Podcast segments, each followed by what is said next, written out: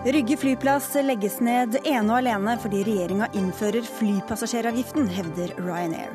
Men Erna Solberg står på sitt, mener det ikke er noen grunn til å legge seg på rygg for det irske flyselskapet. Regjeringa setter norgesrekord i å bryte miljøfaglige advarsler i oljeutlysninger, kritiserer Naturvernforbundet. Miljøkravene er ivaretatt, svarer Olje- og energidepartementet. Flere eldre arbeidstakere mister jobben. Mange føler seg skviset ut av arbeidslivet. Nå spør Virke om hevinga av aldersgrensa til 72 år kan ha noe av skylda. Og det kan bli dyrere å bruke vaskemaskin, lage mat og lade elbilen på de tidene av døgnet når alle andre også bruker mest strøm. Det kommer til å svi for småbarnsfamiliene, frykter Norsk familieøkonomi.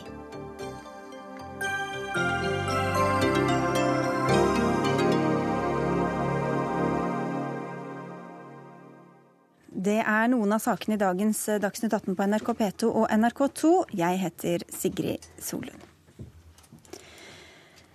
I dag ble den eh, mildt sagt mye omtalte flypassasjeravgiften på 88 kroner per tur innført. Samtidig, på en pressekonferanse i formiddag, la Ryanair-ledelsen all skyld for nedleggelsen av Moss lufthavn Rygge på regjeringa, og nettopp denne avgiften.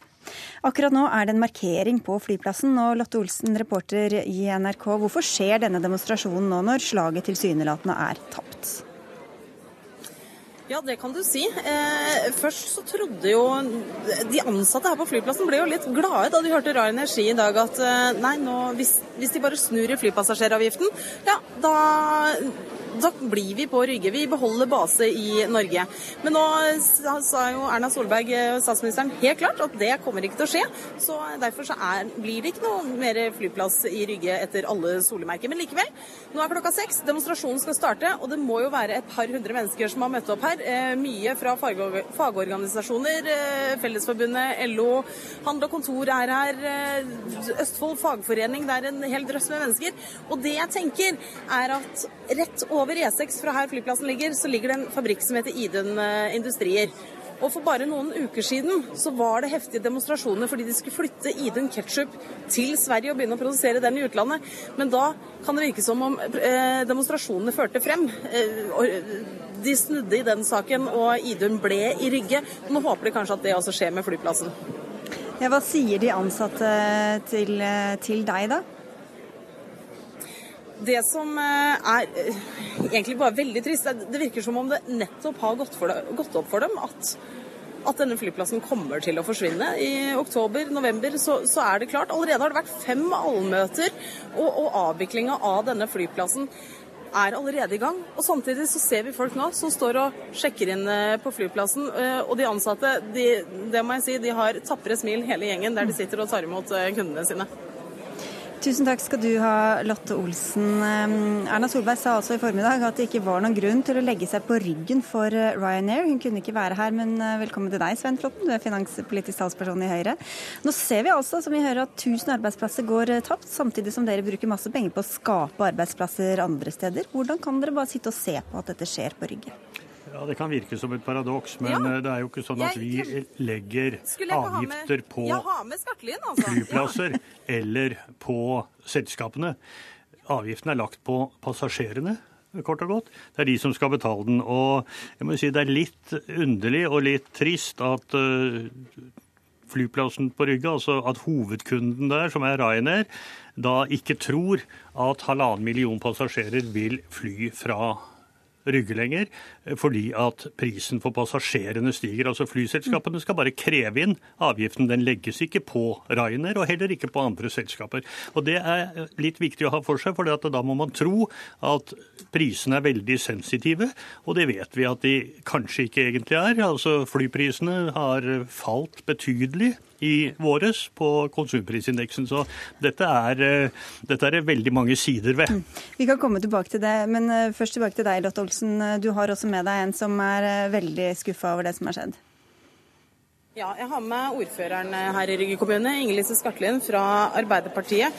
Hun har vært skuffa flere ganger i flere omganger og har vært også i dag, og i dag så, så kom den siste spikeren i kista for flyplassen rett borti gata for rådhuset ditt, Inger-Lise Skartlien. Hvordan har du det? Ja, dette er ikke noen god dag å være ordfører i Rygge på, for å si det sånn. Det har vært bedre dager, men ikke noe overraskende, dessverre. I dag har du sagt at nå forventer du og venter at eh, staten kommer med en krisepakke til Rygge med tanke på alle de arbeidsplassene som forsvinner herfra. Hva er det du forventer? Jeg håper jo på omstillingsmidler. Og så håper jeg på en vurdering av statlige arbeidsplasser flytta ut av Oslo og til Østfold. Og så håper jeg på litt goodwill, eh, slik at du f.eks. lettere kan få gjennom eh, omreguleringer til næringsformål. Tusen takk til deg, Skartlin. Nå gjør de seg klare til å starte appellene her i avgangshallen eh, på Moss lufthavn Rygge. Geir Kristiansen fra LO er den første som skal snakke til dem som har møtt opp. Du får følge med, Lotte Olsen. Takk skal du ha. Vi skal også høre litt av hva Ryanair-direktøren eh, David O'Brien sa på en pressekonferanse i Oslo tidligere i dag, da han skyldte på regjeringa for nedleggelsen av Rygge. We have some uh, important news. Uh, unnecessarily sad news, but uh, you're going to have to thank your uh, government for that. When I met Minister Jensen in December, we explained that we could not reconcile the increased airport charges caused by the tax uh, with the low fares necessary to bring people to and from Roubaix. It's a simple outcome. And here it is. This is the outcome. Ja, Spørsmålet er altså ikke om Ryanair er interessert i Norge, men om Norge er interessert i Ryanair, sa O'Brien. Eh, Svein Flåtten, stoler ikke du på Ryanair-ledelsens eh, forklaring om hvorfor de nå trekker seg ut av Rygge? Jeg har ikke noen grunn til å uh, mistro de. Det, det, vil jeg ikke si. Men mitt resonnement er som følger. Halvannen million mennesker ønsker å fly fra Rygge. De ønsker å tilbringe feriene sine ute. Jeg skjønner ikke annet enn at de kommer til å gjøre det selv om noen må legge på prisene litt. Og Rainer vet ikke at disse passasjerene blir borte. Tvert imot så tror antagelig selskapet at disse passasjerene fortsatt vil befinne seg i østlandsområdet, for de ønsker jo å fly fra Gardermoen, selv med denne passasjeravgiften. Så jeg skal ikke si at ikke det står til troende, men eh, det er eh, noen mangler ved resonnementene fra flyselskapet. Erna Solberg har sagt at hun nærmest ikke tror på det? Ja, de, jeg, jeg, la meg si det sånn, da. Jeg håper de tror på det selv. Og jeg håper at uh, utviklingen vil vise at dette kanskje ikke er riktig. For jeg, er, jeg har en følelse av at selskapet ønsker å tjene penger ønsker å betjene norske kunder. Og da syns jeg det er merkelig at de vil ha halvannen million passasjerer bare stå der. Men dersom de tror at det er penger å tjene, hvorfor skulle de da trekke seg ut? Det er et godt spørsmål. Det tror jeg man må stille til selskapet. Jeg oppfatter jo Nå stilte jeg det til deg, da. Hva tror du? Ja, men jeg oppfatter jo at dette er en, er en form for å presse regjeringen til å snu, eller for å si det sånn, presse Stortinget til å snu. Og jeg tror at den typen dialog kommer ikke til å virke. Hva slags virkning skulle det gi for andre situasjoner? Hvis regjeringen sier som så at bare presset er stort nok, bare det er mange nok demonstrasjoner, så kommer vi til å snu. Det ville være svært uheldig å drive politikk på den måten. Så når de sier at de vil, at de vil gå tilbake til Rygge dersom dere reverserer den avgiften, så stoler du på det? Nå vil jo ikke det bli noen aktuell situasjon, for det kommer ikke vi til å gjøre. De... Men Hva hadde ellers vært hensikten med å prøve å presse dere, som du sier? Nei, Det vet jeg faktisk eh, ikke, men uh, vi har vel erfaring for at uh, for at dette selskapet bruker veldig mange forskjellige metoder for å få oppmerksomhet om det de gjør. Og Det er vel også det Erna Solberg har vært inne på i dag. Stein Erik Lauvås, du er stortingsrepresentant for Arbeiderpartiet fra Østfold. Hvem tror du på her, den norske statsministeren eller det irske flyselskapet? Ja, altså Regjeringspartiene er det i hvert fall ingen grunn til å tro på etter den, uh, de seansene vi har vært vitne til de siste ukene og månedene, og ikke minst for en, en uke siden. Uh, da vi satt i, i, i, i studio i Dagsnytt 18, uh, eh, og hvor det ene regjeringspartiet, Fremskrittspartiet, hadde vært ute med pressemelding og sagt at de skulle ta avgiften inn i forhandlingene. Nå skulle de ordne dette. Eh, og så ble dette dementert bare noen få timer senere i beste mm. sendetid på TV 2-nyhetene. Så du stoler ikke på regjeringspartiene, men du kjøper forklaringa helt til, til, Ryanair, eller? Nei, nei, nei, men altså dette handler ikke om Ryanair. Jeg skjønner at Svein Flåtten, Erna Solberg og regjeringspartiene ønsker å gjøre dette en sak om Ryanair. Dette handler om en avgift for å fylle statskassen, vedtatt en sen kveldstime på Stortinget. Det handler om 1000 arbeidsplasser i og ved rundt Rygge nå, ja. Men på landsbasis handler dette om 4000-5000 arbeidsplasser. Men hvordan kan det ikke handle om Ryanair når det handler om Rygge, hvor Ryanair er altså, eh, de som er direkte forårsaker at det skal legges ned? Jo, men hør nå. 4000-5000 arbeidsplasser har NHO Luftfart regna ut at dette vil gå over hele landet. Eh, masse i nord, fordi at man vil legge ned ruter der, også, der oppe også. Det som regjeringa gjør nå, det er, altså de løper fra hjørne til hjørne i denne saken. Først var det miljøavgift, så er det ikke miljøavgift. Men de løper fra hjørne til hjørne. Det hadde vært mye bedre om Svein Flåtten og Erna Solberg og regjeringen hadde vært ærlige, sagt det som det var. Dere ante ikke hva dere gjorde når dere vedtok denne flyplassavgiften. Det var ikke noen som undersøkte noen konsekvenser på forhånd. Og nå får dere være ærlige, dere får stå til ansvar for det dere har gjort. Nå forsvinner det altså 1000 arbeidsplasser i og rundt Rygge. Det har vi fått med oss. 4000-5000 Det skal Svein Flåtten få svar på. eh, landet over. Ok. Vi løper ikke fra hjørne til hjørne i det hele tatt. Vi vedtok eh, avgiften i november for å innføre den i april. Så ble den forsinket fordi at det var ting med ESA og godkjennelsen eh, der. Nå er det i orden, og så blir den innført. Dette har vært Men vår at politikk. begrunnelsen har endret seg litt underveis, det kan du være enig i? Begrunnelsen har ikke endret seg. Man kan gå tilbake i dokumentene og si at dette var hele, det som ble sagt, var at dette var en fiskal avgift. Men selvsagt kan den ha noen konsekvenser for miljøet. Men det var ingen miljøavgift. men det er ikke begrunnelsen fra deres side, selv om f.eks. Venstre bruker det som argument. Det vet jeg ikke hva de bruker, men det er ikke Du det. følger vel med du òg, Det Svein er, det er en fiskal avgift, og det siste jeg hører er jo stort sett at Venstre også sier det. Jeg tror de fire partiene var enige om at dette var en bra måte å få gjennom et veldig godt statsbudsjett for 2016 på. Et statsbudsjett vi virkelig trengte, med tiltakspakke, med skattelettelser osv. Ja, ja. Men Leivås, altså, dere, ja. dette er jo et, eh, du sier det ikke handler om Ryanair, men det handler da virkelig om Ryanair når det, når det er de som er direkte årsak til at Rygge legges ned. Og og det er selskap dere har kritisert gjentatte ganger. Hvordan kan du sette så mye lit til deres forklaring om at det er derfor de trekker seg ut? Nei, jeg setter ikke lit til altså Ryanair får forklare seg selv. Og vi skal ikke legge oss på rygg for utenlandske selskaper eller innenlandske flensel fra Ryanair. Det er vi enig i. Men det handler ikke om det. Og det er dette man det forsøker å snakke seg bort ifra. Nei, Flåtten, det gjør ikke det. Dere har vedtatt en avgift for å fylle opp statsbudsjettet med en drøy milliard Men hadde dere vært like mye mot den avgiften dersom ikke Ryanair hadde, hadde sørget for å trekke seg ut av Rygge? Det handler ikke om Ryanair. Det handler om en avgift som er innført på storting, altså et stortingsflertall en sen kveld uten at de hadde den blåste aning om hvilke konsekvenser den fikk. Den får nå den konsekvensen i første omgang her nå at 1000 lønnsomme arbeidsplasser forsvinner i og rundt Rygge. Og det er dette regjeringa må ta ansvar for. Okay. Helt på tampen, eh, Flåtten. Du, det ble etterlyst statlige arbeidsplasser og tiltakspakke til eh, Østfold her fra ordføreren i Rygge. Er det noe du kan gå med på? Det er ikke ting jeg kan ta på direkten her. Hvis det blir veldig alvorlige konsekvenser, så vil det alltid være en vurdering. Men la meg bare gjenta til Lauvås også til slutt. Vi har ikke lagt noen passasjeravgift på verken selskapet eller på Rygge flyplass, men på hver enkelt passasjer. Og så gjetter noen på at da vil halvannen million passasjerer slutte å fly fra Rygge. Det står ikke til troende. Nei, Vi skal høre om det står til troende. Blir, ja, bare for å kommentere. Veldig kort. Hvis det blir veldig alvorlige konsekvenser Jeg registrerer at Flåtten syns at 1000 arbeidsplasser nå i Østfold ikke er veldig alvorlig. Vi kan jo se om de får seg ny jobb etter hvert, da. Mm. Over hele landet er ikke alvorlig for denne regjeringen. Det, det, det er, det, dette er en skam. Du, Frode Steen, professor i samfunnsøkonomi ved Norges handelshøyskole. Her hører vi litt ulike versjoner. Et tøft spill, kalte statsministeren dette. Hva slags spill er det snakk om i så fall? Mm, Ja, La oss først ta den biten, for jeg har lyst til å kommentere flåtten etterpå. Eh, Det som er helt opplagt her, er at det er mer enn en avgift som inngår her. Man trekker ned halve trafikken, man legger ruter andre plasser. Og jeg tror det som, det som skjer her, er to ting. Vi er midt i en situasjon der eh, Ryanair nå er i en rettsprosess, der man skal eh, Eh, der det er snakk om hvorvidt de kan fortsette med sin basepolitikk i Norge, i den forstand at de betaler irske skatter, forholder seg til irske arbeids, rettigheter, lover osv.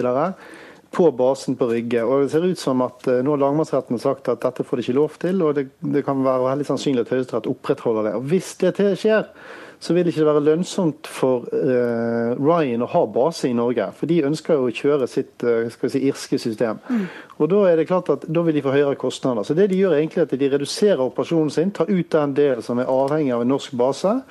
Og så har de 50% av operasjonen sin med direktefly fra utlandet. Utenlandske baser, utenlandske kostnader. Så flyr de inn da på flyplassene i Norge, så- eller da i dette tilfellet Torp og, og Gardermoen. Sånn at det er jo ikke det at eh, Så jeg tror det er flere ting i dette spillet enn avgiften. Og nå er det sånn at de legger all skyld på myndighetene og så sier de at det er denne avgiften som gjør det. Det er klart at det er ikke bare denne Mm. avgiften som gjør det, jeg tror det er andre ting som er med her. Ja, fordi Det er ikke snakk om å ha en base på andre flyplasser, i så fall, så de reglene vil ikke gjelde Nei. der på, på Torp og, og Gardermoen. Men samtidig så får jeg lyst til å si at eh, jeg er veldig overrasket over at Flåtten vet så mye om priselasticiteten i flymarkedet. For han vet jo mer enn de som jobber med dette, tydeligvis. Saken er jo den at eh, dette er den mest prisfølsomme, prisfølsomme delen av markedet. altså Ryanair er de som har laveste priser. 100 kroner på eksempelvis en billett på 400 kroner, ja det utgjør faktisk 25% av dette. Bare så vidt elastisk, så reduseres det kraftig på etterspørselen. Så det er helt opplagt at det kommer til å redusere etterspørselen i Norge, dette. Fordi at vi opererer på en fast kostnad som vil bli pålagt de billigste billettene. Alle billettene. Og de billigste billettene de vil da få en større, større prisøkning. da. Og det er klart at vi vil se redusert trafikk. Dette må jo være en villet politikk. Det kan man jo ikke mene noe annet. Mm, så det, det er eh, også en realisme i det Ryanair sier, selv om de kanskje også bruker det til dels som et skalkeskjul for andre. Jeg tenker det er flere ting her, men eh, det er klart at når Brian eh, og Brian, som han liker å kalle seg, ønsker eh, å, å, å presse regjeringen i dette tilfellet her, så er det fordi han ønsker jo ikke den avgiften uansett. Det vil jo alltid være, det være ulønnsomt for han å ha den avgiften. Men det at de legger ned basen og rigger om hele systemet, det tror jeg har med flere ting å gjøre enn bare avgiften. Og så er det mye politikk involvert her, da, som vi også hørte Magnus Takvam, du er politisk kommentator i NRK. Hvordan oppfatter du den ganske tøffe retorikken fra Erna Solberg i dag? Det som skjer nå, er jo en kamp om sannheten. Det er jo et eh, veldig tungt politisk ansvar å eventuelt få skylden for at opp mot 1000 arbeidsplasser eh, forsvinner. Eh, Og det vi har vært vitne til i, i dag og i den tiden dette har kommet på dagsorden, er to ulike syn, der regjeringssiden og Erna Solberg og Siv Jensen knallhardt kjører mot Ryanair og gir dem ansvaret for det som skjer, mens da opposisjonen eh, på den andre siden legger skylda på eh, budsjettvedtaket om denne avgiften. Så det er kampen om sannheten vi er vitne til. Nå mente jo Arbeiderpartiet at dette ikke handlet om Ryanair i det hele tatt. Det kan jo være at de ikke ønsker seg å klistre seg for tett opp til et sånt uh, selskap. Men hvorfor fortsetter de da å, å drive denne tøffe retorikken også mot regjeringa her? Det er altså jeg, Når, som sagt, uh, i en situasjon med en krevende eh, arbeidsløshetssituasjon generelt i Norge, og man eh, kan knytte eh, eh, en økning av arbeidsledigheten i en region til en, politisk beslutning, så er det ikke rart at opposisjonen bruker det kortet for alt det, den er verdt. Og det er klart at eh, eh, samarbeidspartiene, både for så vidt Venstre, KrF og Frp, eh, fikk jo nærmest panikk eh, i eh, Østfold, eh, Østfold-representantene, da, da, da virkeligheten gikk opp for dem. Og undergravde jo på en måte den argumentasjonen som både Siv Jensen og Erna Solberg eh, har forsøkt å framføre, om at eh, det er Ryan Air som har skylden. Disse representantene ville jo naturlig nok, vil mange si, eh, prøve omkamp om flypassasjeravgiften. Sånn at dette har vært og er en, eh, en krevende politisk eh, sak for dem, selvfølgelig. Frode Steen, du nevnte denne rettssaken med Ryanair. Hvor troverdig, eh, med tanke på den, er dette løftet om at de vil fortsette virksomheten på Rygge hvis avgiften da reverseres? Nå har vi jo opplevd før. altså der har jo, Jeg er jo enig med mye av det som er sagt om Ryanair. For Ryanair er på en måte ikke helt etterrettelig når det kommer til sånne type ting. Så jeg tenker at det er veldig vanskelig å mene noe om det. Men hvis jeg har rett i det som mange andre òg antydet, nemlig at dette dreier seg òg om av skattepolitikk, altså om, eh, om, om hvordan man skal drive baser utenfor Irland, så tenker jeg at det er veldig litt sannsynlig at de ønsker å gjøre det. Eh, Men det er klart, hvis en sånn avgift forsvinner, så kan det være at de opprettholder flere fløyter i Norge eh, gjennom, med direktefløyter. Det, det kan man tenke seg. for jeg tror det er å være veldig, veldig godtroende og tenke at det å øke prisen kraftig faktisk på de laveste billettene ikke påvirker etterspørselen i Norge. Og det som er min store redsel, er jo at det skjer ikke hva som skjer på Rygge, men det som skjer ellers i landet. Hva skjer på, i Nord-Norge nå? Hva skjer rundt omkring på marginale ruter, der f.eks. Norwegian representerer på så, for så vidt lavkostalternativet? Hva om de legger ned ruter, og så får vi da blir det en politisk kostnad på det òg? For hvem hadde skyld i dette da, liksom? ikke sant? Det kan bli mange saker i Dagsnytt 18, i hvert fall, Magnus Takam, helt på Ja. tampen her. Kan, er det aktuelt at det kan skje noe i innspurten på Stortinget her i det hele tatt? Nei, det, det, tror jeg ikke. Og hvis partene holder fast, som alt tyder på, på de beslutningene som er gjort, så er, ikke, så er løpet kjørt for sivil eh, luftfart på Rygge. Så da, da, vil det bli andre eh, ting som kommer på bordet. Om Forsvaret, som jo leier ut eh, flystripa til eh, til de nye eierne kommer inn som aktører, og på en måte kan i hvert fall bidra til noe aktivitet, men som da ikke har noe med sivil luftfart å gjøre. Og Svein Flåtten rister på hodet, men du får ringe til Frode Steen etterpå og komme med analysene dine om pris, prisen i luftfarten. Takk skal dere ha alle sammen for at dere var med i Dagsnytt 18.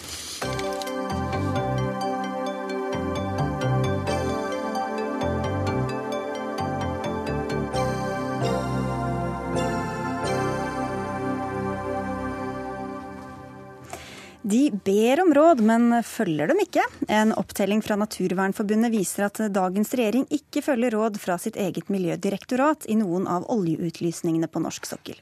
Til sammenligning fulgte Bondevik II-regjeringa 30% av miljørådene, mens de ble fulgt av 20% av sakene under Jens Stoltenberg, skriver Dagsavisen. Helga Lerkelund, du er fagrådgiver i Naturvernforbundet. Hva er det dere har sett på når dere har sammenlignet denne og andre regjeringer? Ja, det Naturvernforbundet har sett på, det er de eh, områdene hvor Miljødirektoratet direkte advarer mot oljeboring. Og Da har vi altså sett på disse rådene helt siden 2002 og fram til i dag. Og Grunnen til at de eh, advarer, det kan være pga. sjøfuglbestanden, som er sterkt trua.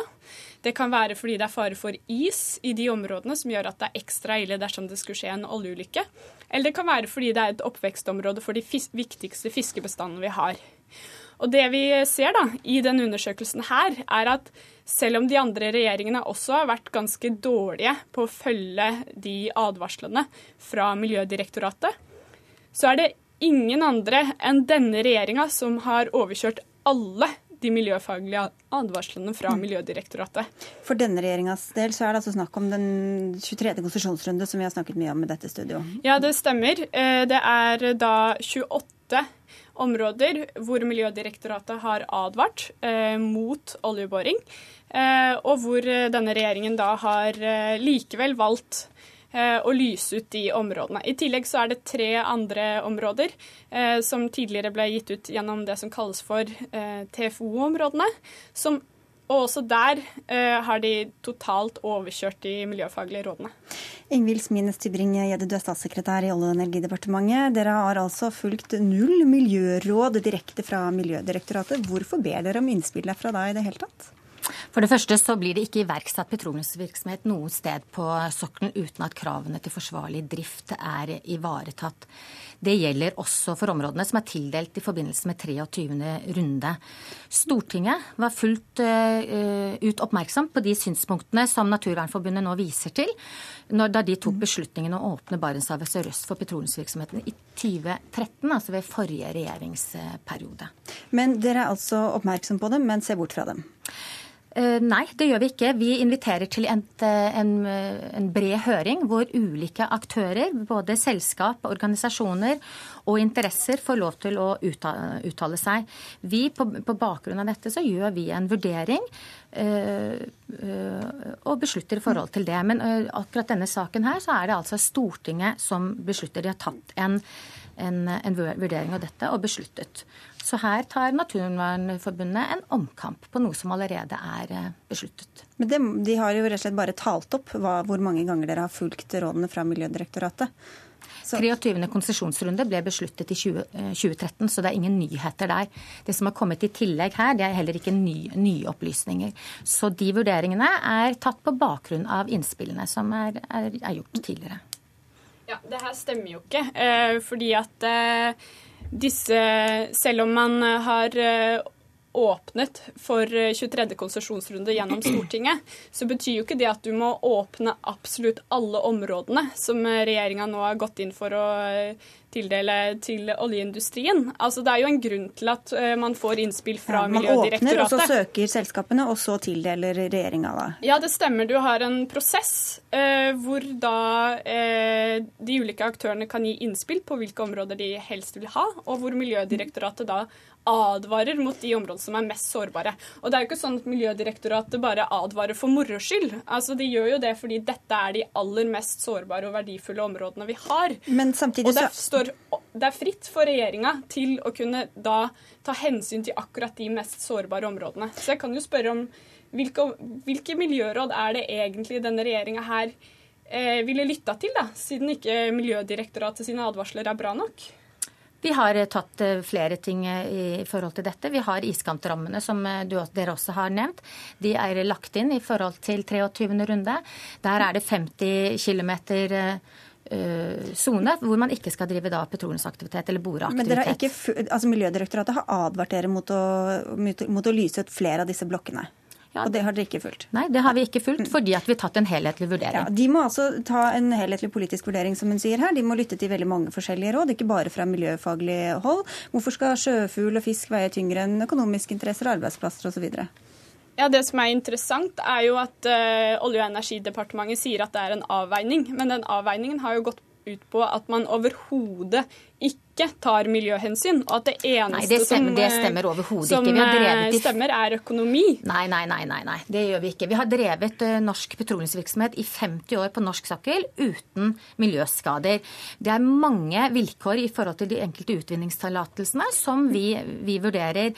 Så uh, jeg tror også vi må se på helheten her. Det er klart at vi tar miljøhensyn. Vi er helt avhengige av at vi har en bærekraftig politikk, ressurspolitikk og ressursforvaltning av norske naturressurser. Hvor dere åpner for boring, så er du enig i at dere har sett bort fra alle de miljøfaglige rådene? Nei, ikke alle de miljøfaglige rådene. Det er mange miljøfaglige eh, råd som, eh, som danner grunnlag for en beslutning. Ja, de miljøfaglige rådene som her nevnes, eh, så er ikke de tatt med, eller sett sterke nok i forhold til den forsvarlige driften. Men hva, Vi mener det faller hva, utenfor. Hva syns dere er viktigere enn å følge rådet fra, fra Polarinstituttet og Miljødirektoratet? her? Da? Mange andre råd som også gis. Vi har et forvaltnings, eh, forvaltningsorgan som, som, ivaretar dette gjennom eh, mange instanser. For, så hver eneste aktivitet som skjer på, på norsk sokkel, er gjenstand for ulike rammer. Det så som er hva, viktig her, hva veier tyngre for dere da enn, enn disse rådene? Vi ønsker ikke full stans. Vi lager vilkår rundt det som gjør at vi har, vi har en gjennomregulert regulert sektor som ivaretar mm. de forskjellige hensynene. Men det kjenner jo sikkert Miljødirektoratet til, og likevel advarer dere mot å åpne disse områdene. Hva er det da som veier tyngre for dere enn de rådene? Det er, det mange ulike råd som, som, ivaretas, eller mange ulike innspill vi får i forhold til den brede vurderingen som gjøres. Og det er viktig nok en gang. Disse sakene var oppe til vurdering i 2013, da Stortinget med et bredt flertall godkjente 2013. Jeg skulle gjerne hatt et godt eksempel på de miljøhensynene det har tatt. da. Fordi at Når eh, Miljødirektoratet direkte fraråder oljeboring, og dere velger å likevel lyse ut alle de områdene, så syns jeg det er veldig merkelig at du kan eh, påstå at dere tar miljøhensyn. Og det her disse rådene det går jo bare på eh, sårbar natur.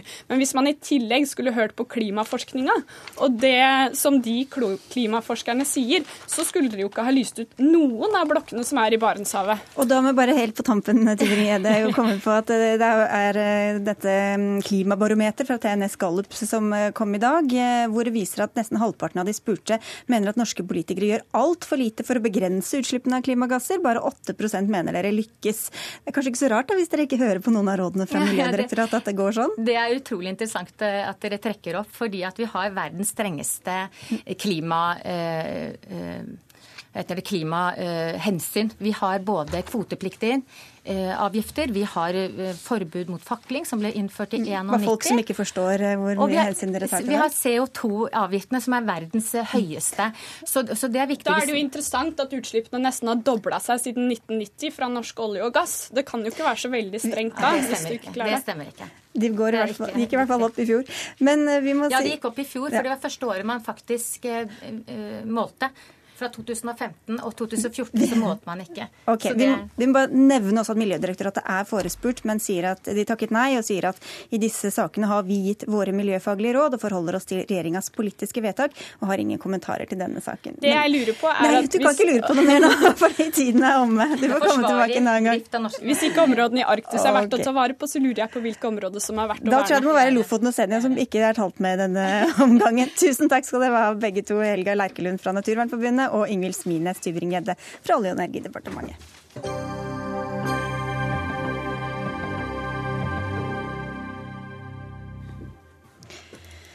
Kampen om hvem som skal føre tilsyn med norske banker, tilspisser seg. Et flertall på Stortinget mener vi må trekke lærdom av finanskrisa, som viste at de europeiske finansmarkedene var for svakt regulert, og at nasjonale tilsynsmyndigheter sviktet. Derfor vil de nå at EU skal føre tilsyn med norske banker.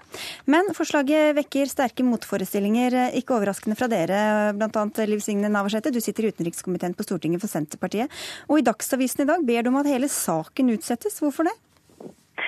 Eh, det er fordi at jeg mener den eh, er rett og slett eh, for raskt behandla i Stortinget. Det er hastebehandling. Og vi ser at det stadig kommer opp nye moment, senest nå i helga, fra ulike professorer som virkelig kan dette feltet, som kommer med sterke motforestillinger knytta til suverenitetsavståing. Altså det at vi rett og slett går på tvers av Grunnloven med å avgi så mye suverenitet til en organisasjon som Norge ikke er medlem av.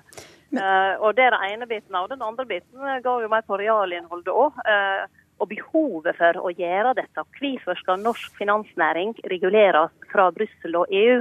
Uh, når erfaringa har vist oss at vi har greid oss veldig godt med den norske reguleringen. Og vi ser òg at mange innen finansnæringen er enige med oss i det. Så du vil utsette saken, men uansett falle ned på samme svar? Nei, jeg vil utsette saken for å få en bredere diskusjon om henne. Men det, hva skal til for at du skal ned, falle ned på annet, en annen konklusjon dersom man hadde utsatt saken? Det måtte være at vi fikk bedre argumenter fra uh, motparten. For vi sto under høring i Ivar Krøyser, Ida Krøyser og vi åtspurte regjeringa om de kan gi oss dømme på bedrifter som har hatt problem Eh, i forhold til EU-markedet. Og Da er svaret at eh, nei, det kan de ikke. Tvert imot så blir det sagt at eh, vi blir tatt imot på pragmatisk vis, og selvsagt blir vi det. Norske banker har langt mindre aktivitet i EU-land enn banker fra de land de har, mm. finansnæringa der har i Norge. Og så er det jo slik da, at resten av verden òg opererer i EU-markedet uten at EU sitt finanstilsyn dermed skal inn og regulere deres finansmarkeder. Det er jo ikke, det er jo bare Norge som driver denne saken her. Det er jo ikke andre land rundt om utenfor EU-systemet. Nå er det høye forventninger til deg her, Ida Kreuzer. Du er administrerende direktør i Finans Norge. Får prøve å overbevise Navarsete. Altså, prøv å forklare så vi skjønner her. Hvorfor skal norske banker underlegges EUs eh, tilsyn? Eh, det er stor ambisjon å overbevise Navarsete, eh, men jeg kan belyse saken. Jeg kan gjøre det. Eh, det er ikke sånn at eh, vi nå skal underlegges et europeisk tilsyn. Det det er snakk om, det er eh, den europeiske tilsynsordningen. Hvor man i Europa har blitt enige om at det skal etableres et organ som skal føre tilsyn med de lokale finanstilsynene. Det har alltid vært og kommer alltid til å være Finanstilsynet i Norge som skal føre tilsyn med de norske bankene. Eh, dette europeiske tilsynsorganet skal eh, gi eh, ikke-bindende retningslinjer. Og det kan fattes bindende vedtak. Bindende vedtak som gjelder for oss, skal fattes i EFTAs overvåkningsorgan, som vi jo er medlem av. Hvorfor denne saken er viktig, det er fordi det vi snakker om her, er tilgang til det indre marked. Det indre markedet har vært en eh, viktig forutsetning for norsk næringsliv og norsk finansvesen siden det ble etablert. Eh, etter finanskrisen så har Europa innført en lang rekke strenge regler på finansområdet. Vi har innført de samme reglene i Norge. Det det nå gjelder, er å få disse reglene inn i EØS-avtalen. Så eh, dette fremstilles som om eh, man nå skal eh, gjøre noe nytt.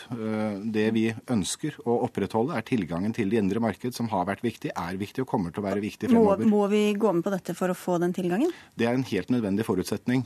Både formelt i forhold til EU, e som er vår motpart, at hvis vi skal være med i det indre marked, så må vi spille etter indre markeds spilleregler. Slik har det alltid vært. Men også markedsmessig så er det nødvendig.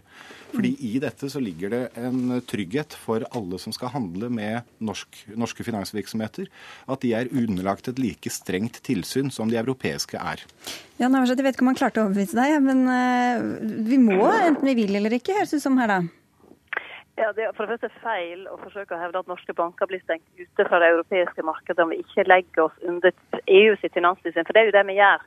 Altså, Hva banker i Sveits, USA, Japan, altså alle andre land som EU ikke er medlem? De opererer jo òg i det indre markedet og får lov til det. Så, de har inngått bilaterale avtaler. Så, så, til det som blir sagt om uh, at det ikke er EU sitt finanstilsyn som gjør vedtak. Nå har ESA tilsett én person, og det står òg i proposisjonen én person som skal da sitte der i ESA. Han er sekretær Christian Berø. Eh, og, han, og det, det, står òg veldig klart det føresett at ESA fatter likelydende vedtak. Det er altså kopivedtak. Det er EU sitt finanstilsyn som skal fatte vedtak i. ESA er føresett å fatte likelydende vedtak. Og da betyr jo det at vi blir styrt, og norsk finansnæring blir styrt av EU sitt finanstilsyn, og det er ikke i tråd med norsk grunnlov. Og ett eh, poeng til. Finanskriseutvalget de hvor viktig det var at Norge kunne velge å operere med strengere regler enn EU-systemet. Det er ikke sikkert at norske banksjefer og finansnæringa vil ha det. De vil ha like konkurransevilkår. Men da finanskrisa slo oss i 2006, eh, og vi satt der unnskyld, i 2007-2008, og vi satt uh, i regjering med det, så, så var det faktisk ganske viktig både da og ved tidligere at vi har hatt et uh, finanstilsyn som okay. opererer ganske strengt i det norske markedet. Det har gjort at vi har kommet oss vel igjennom. Ja, Da må vi slippe til Kreutzer her, Navarsete. På, på, en del områder i den eh, europeiske finansreguleringen så er det nasjonale uh, fleksibilitet. Den opprettholdes naturligvis med dette. Det, det, som er viktig å tenke igjennom, er hvorfor ønsker man uh, at det skal være tilsyn med de lokale tilsynene? Jo, det er jo å forhindre at noen land etablerer et svakere tilsyn. At man faller for fristelsen å gi sitt lands finansvirksomheter mildere vilkår enn andre for å styrke konkurransen. Eh, det har aldri vært på tale i Norge, kommer aldri til å bli komme på tale i Norge. Det er i vår interesse eh, å sikre at det etableres et gulv og ikke blir a race to the bottom. Eh, denne ordningen sikrer det. Eh, det overordnet viktige er for norsk næringsliv og norsk finansvesen å fortsette å ha tilgangen til det indre marked slik vi har hatt. Og dette er en god ordning for å sikre det. Navarsete nevnte næringsliv eller finansfolk. Blant andre investor Øystein Strauss Betalen har jo sagt at han også er mot dette. Han mener at det betyr å gi fra seg selvråderetten bit for bit. Hva er det han ikke har forstått? Nei, da tror jeg kanskje han ikke har satt seg inn i dette. Dette er noe man har jobbet på i fire år, og det er et relativt komplekst eh, regelverk. Det som er det som er poenget her, er at uh, norske finansinstitusjoner er ikke spesielt store. Uh, men det er viktig for oss å kunne følge norsk næringsliv ut i uh, det europeiske markedet, som er viktig. Og vi er avhengig av det internasjonale finansmarkedet for å fungere godt og finansiere norske arbeidsplasser. Du får få ti sekunder, Navarsete.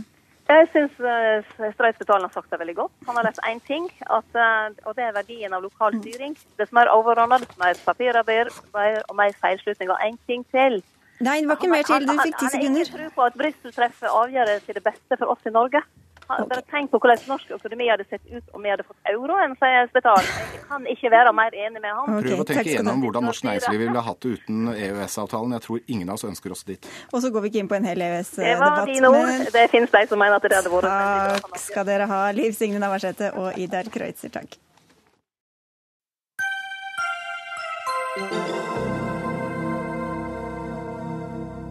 Snart kan det bli dyrere å vaske klær, lage mat og lade elbilen på ettermiddagen og om morgenen. For Norges vassdrags- og energidirektorat vil ha rushtidsavgift på strøm fra og med 2019, fortalte vi her i NRK i går. Da skal alle landets husstander ha fått nye typer strømmålere som gjør det mulig å innføre ulike satser ettersom når på døgnet man bruker strømmen. Per Sandre, du er direktør i Norges vassdrags- og energidirektorat, NVE, og det er dere som kommer med dette forslaget. Mm. Hvorfor er det så viktig at vi bruker mindre strøm om morgenen og ettermiddagen? Jo, fordi det foreligger planer om investeringer i strømnettet på 140 milliarder de neste ti årene. Og vi ønsker ikke at det skal investeres mer enn nødvendig. Og dette er en effektiv måte å få ned investeringene på, slik at alle sånn gjennomsnittlig får lavere strømregning. Og hvor mye kommer, kommer dette eventuelt til å bli dyrere? Nei, Vi sier jo at gjennomsnittlig strømregning kommer til å bli lavere. Men de som bruker mye strøm på noen timer om morgenen og de mest kritiske timene om ettermiddagen, gjerne fire til seks, de kan tenkes å få høyere. Men i snitt så får de fleste lavere strømregning. Reid Krohn Pettersen, du er sjeføkonom i Norsk familieøkonomi, og du er bekymra for hvordan dette kommer til å slå ut. Hva er det du frykter? Nei, For det første så skaper det jo en unødvendig økonomisk skille i samfunnet. Spesielt for småbarnsfamilier og andre med dårlig økonomi.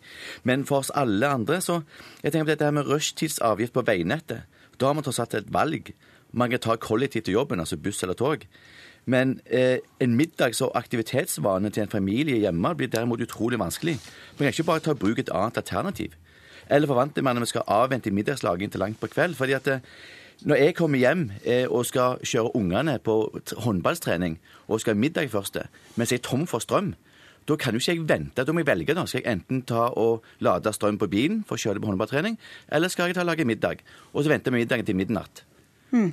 Ja, Har dere tenkt over dette, de praktiske dette konsekvensene? Dette er godt tenkt gjennom. Jeg tror dette er god forbrukerpolitikk. For det første, som jeg bare var gjenta, at gjennomsnittlig strømregning blir lavere. De som bruker mye strøm, typisk en barnefamilie, de vil da også få lavere strømregning. Men de som bruker mellom åtte og ti eh, om morgenen og fire og seks mye, de kan tenkes å få noe høyere på akkurat det forbruket. Eh, men totalregningen men, blir ikke veldig mye større. De har et valg. Sånn, ja, Men det er vel ikke sånn at man gjør det for moro skyld, at man lager frokost om morgenen og middag om ettermiddagen og vasker klær når man er kommet hjem fra jobb? Nei, men det er ikke det type forbruk som, som drar på strømregningen. Det vi er opptatt av er de tunge lastene som går på varmtvannsbedre, gulvvarme, sånne ting. Elbilladere har vi vært opptatt av. Eh, Utsett vaske, vasking av tøy fra, fra 67, så, så, klarer du å håndtere dette på en veldig god måte. Kron Pettersen, man, eh, hvordan, hvorfor er det bedre for barnefamiliene at, strømprisene skal bli dyrere jevnt over, fordi vi må da bygge ut enda dyrere strømnett, enn at folk kan prøve å planlegge litt bedre? Ja, jeg, liker jo veldig godt det med planlegging. Men det er klart at eh, Sandro har sikkert sjøl hatt eh, tenåringer i huset, og du vet at når alt står på hodet klokken eh, fem på ettermiddagen For det, det, det, jeg var opptatt av, og det rådgivende hos meg sa, var at eh, skal vi da begynne å vaske klær og tørketrommel og oppvaskmaskin på natten, da? Når, eh, når, når, når brannetaten har sagt det, at det må mm. være under, altså under påsyn? Ja, da må vi få inn deg her, Anne Hjort. Du er brannsjef i Asker og Bærum brannvesen. Hva synes du om denne oppfordringen? Oppfordringa om å bruke det på nattestid, eller kanskje når man er borte om, om midt på dagen? Jeg håper jo fortsatt ikke det blir sånn at det blir så billig å bruke strøm om natten at folk bruker vaskemaskin og tørketrommel om natten, for det er farlig. Hva sier brannstatistikken om denne bruken av elektrisitet om natta?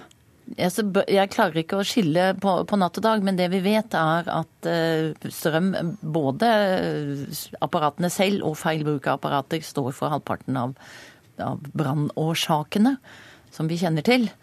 Uh, og brann i tørketrommel, vaskemaskin, uh, oppvaskmaskin er vel en kombinasjon av feilbruk og feil i apparater, og vi vet det brenner i dem.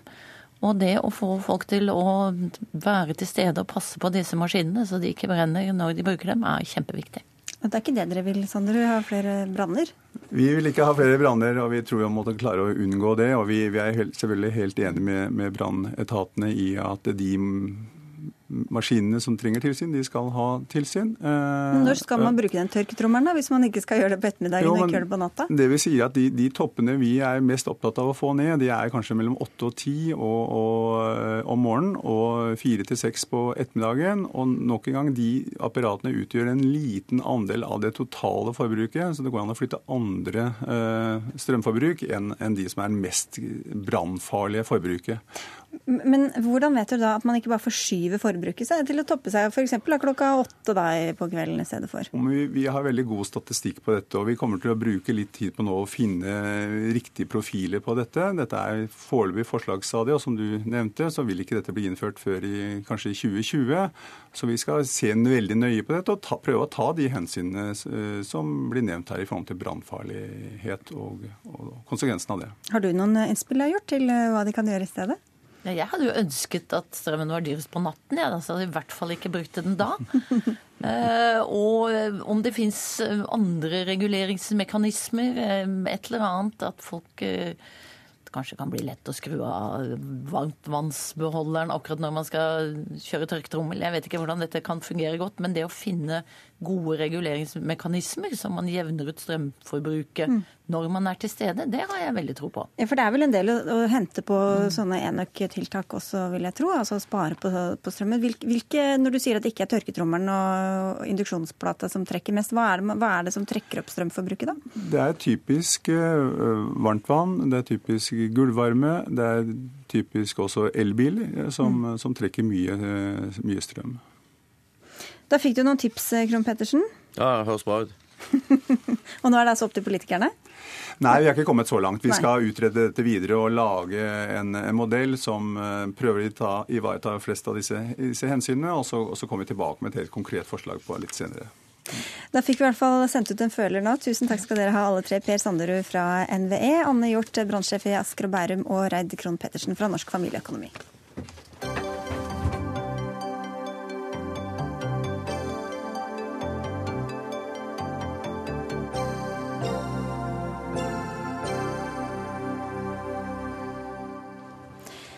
Er eh, dårligere tider og eh, høyere arbeidsledighet, og noen av dem det går eh, verst utover, er de eldre arbeidstakerne. Bare det siste året er ledigheten for denne gruppa gått opp med 20% Ifølge en ny rapport fra Senter for seniorforskning senior blitt, se, blir seniorer skviset ut av arbeidslivet. Annet føler arbeidstakere over 55 år seg ofte presset ut av sluttpakker som er så lukrative at de ikke tør å si nei. Og nå sier dere at vedtaket om å heve pensjonsalderen fra til 72 år kan ha noe av skylda for denne utviklingen. Inger Lise Blyverke, du er direktør for forhandlinger og arbeidslivspolitikk i Virke, som er hovedorganisasjonen for handel og service. Hva mistenker dere kan være sammenhengen her? Det kan jo kanskje virke litt ulogisk da, at vi i Virke er imot å, å, heve aldersgrensen. For vi er jo for at folk skal stå lenger i, i arbeid. Men å heve den eh, grensen fra 70 til 72 år, som ble gjort i fjor, det bidrar dessverre ikke til det. Og det er det vi er opptatt av. For det første så treffer det jo ikke den riktige målgruppen. Eh, det er i aldersgruppen 60 til 67 år vi trenger å, å få opp yrkesdeltagelsen. Og i tillegg så tror vi at det kan gjøre eh, eldre arbeidstakere arbeidstakere mindre attraktive. Og grunnen til det, det er jo at man bare ensidig har styrket stillingsvernet, men ikke gjort noe med de andre reglene i arbeidslivet som arbeidsgivere må ta hensyn til. Og det gjelder f.eks. Eh, redusert arbeidstid eh, etter fylte 62 år, mm. ekstra ferieuke ved fylte 60, og også andre regler som i sum gjør at eh, arbeidsgiver kan oppleve risikoen for stor. Men tilbake til utgangspunktet, altså denne rapporten eh, og det vi hørte på nyhetene i dag om at det er mange flere eldre som blir arbeidsledige og som føler seg skvisa ut. Du tror det kan altså ha en sammenheng også med denne hevingen av eh, aldersgrense? Ja, definitivt så tror vi at i hvert fall er det påfallende at vi har fått en så markant økning eh, samtidig som vi har både vedtatt og iverksatt disse endringene. Og også bruken av sluttpakker er jo et sånt virkemiddel som arbeidsgiver kan bruke dersom de opplever at risikoen ved eldre arbeidstakere blir for stor. Kari Østerud, du er leder i Senter for seniorpolitikk, og det var dere som sto bak denne undersøkelsen som viser altså at arbeidsledigheten blant eldre øker kraftig. Tror du det kan ha en sammenheng med at folk da etter hvert kan jobbe til de blir 72? Ja, Rapporten viser at arbeidsledigheten blant de eldre har økt spesielt mye de siste to årene. Og arbeidslivseksperter, analytikere og forskere som jobber på feltet som, som, som vi snakker med, de sier at årsaken til at dette har skjedd, er strukturelt. Dette handler om krisen innenfor oljesektoren og, og, og, og, oljerelaterte næringer. Der jobber det veldig mange eldre arbeidstakere. Så dette er også litt ren matematikk. Altså Når det er en stor andel eldre arbeidstakere, så er det klart at det da vil det også påvirke arbeidsledighetstallene. Og jeg må si at jeg er litt overrasket over denne det vi kaller en ganske syltynne analysen fra Virke her, som forklarer arbeidsledighetstallene med endringene i arbeidsmiljøloven. Jeg er litt nysgjerrig på hvilken hvilket faktagrunnlag og, og, og hvilke analyser man legger grunn, til grunn for en, en sånn påstand. For jeg har ikke hørt en eneste ekspert på feltet har lansert det som en forklaring eller en teori. For at to ting opptrer samtidig, betyr jo ikke at det ene forårsaker det andre. Nei, og det har vi heller ikke påstått. Vi har bare sagt at det er eh, påfallende at dette skjer. Og vi er opptatt av at vi nå følger den utviklingen nøye. Vi advarte der, mot den er... regelendringen. Og jeg syns det er viktig at vi i hvert fall vurderer om den kan, sammen med også andre ting, som konjunkturendringer, som vi er helt enig i, kan føre til en utilsiktet konsekvens. For det var jo aldri hensikten fra politikere politikernes side at å heve aldersgrensen til 72 år skulle føre til at flere ble skjøvet ut av arbeidslivet. Og Vi bare ber om at man vurderer dette grundig, og så ser på om det er mulig å gjøre andre endringer i regelverket som ikke ble gjort samtidig. Ja, nei, altså jeg er bare litt overrasket over at Virke som en arbeidsgiverorganisasjon egentlig tillegger norske arbeidsgivere oppfatninger som de kanskje ikke har. For vi har jo undersøkt dette her. Vi har jo spurt uh, norske arbeidsgivere om hva slags syn de har på øvre aldersgrenser i den årlige undersøkelsen Norsk seniorpolitisk barometer. Uh, og det er faktisk sånn at fire av ti av norske arbeidsgivere uh, de er for en øvre aldersgrense. Seks av ti har enten ingen mening om det, eller stiller seg helt likegyldig til spørsmålet om øvre aldersgrenser. Og når vi spør da hva aldersgrensen skal være, så, er, eh, så svarer de fleste et sted mellom 69 og 70 år. Så du tror sånn ikke at det, er noe grunn, at det er noe sammenheng her mellom altså, Jeg vet ikke. Ja, jeg bare tenker at det er en analyse så tynn at den kan ikke stå uimotsagt. Vi kan høre med deg, Erlend Wiborg. Du er talsperson for arbeids- og sosialpolitikk i, sosialpolitikk i Frp, og var veldig ivrig for å øke denne pensjonsgrensa, aldersgrensa. Tror du at den nå kan virke mot sin hensikt, slik ikke Virke frykter? Nei, eh, heller tvert imot. Jeg må si Virke her er virkelig på, eh, på tynn is. For her viser man til tall som går tilbake fra sammenligner man tall fra 2014 og frem til nå. Og jeg må minne da Virke om at endringene i arbeidsmiljøloven med å øke aldersgrensen, heve dem, eh, at det trådte i kraft i juli i fjor.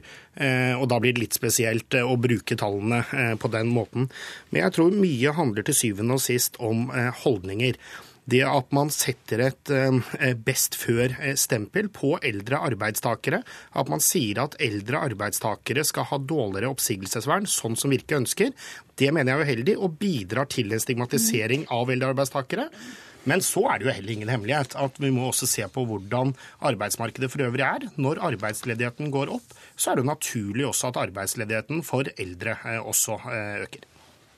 Ja, skal få svare bli der. Ja, ja fordi det er jo ikke sånn at vi sier at, eh, at, eh, stillingsvernet skal bli dårligere for eldre arbeidstakere.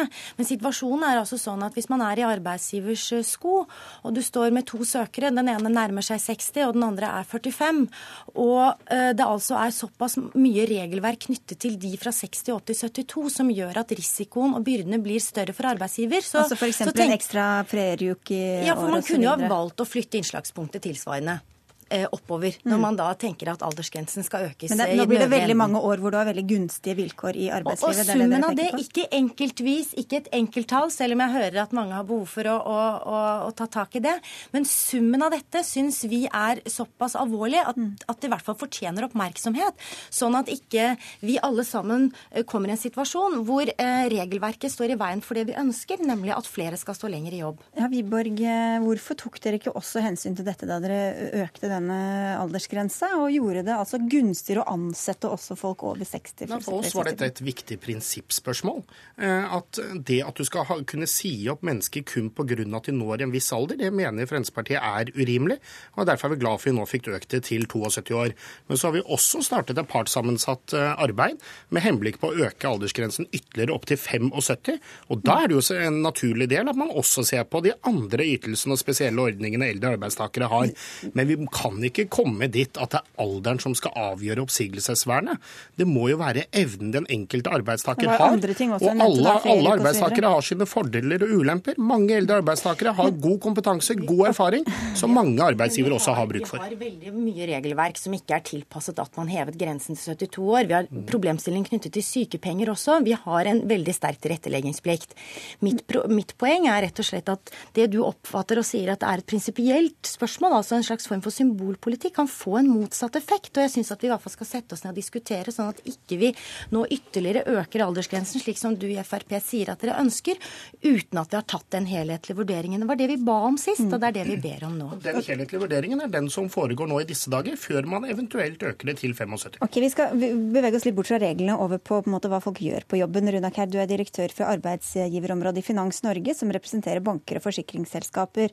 Eh, og du, vi hørte deg i dag morges også, du sier sier at det rett og slett er ofte viktig å satse på yngre arbeidskraft, at de eldre ikke kan konkurrere. Hvordan oppleves det? Først og fremst har jeg lyst til å understreke at eldre arbeidstakere de besitter en erfaring som svært mange arbeidsgivere eh, setter pris på og verdsetter.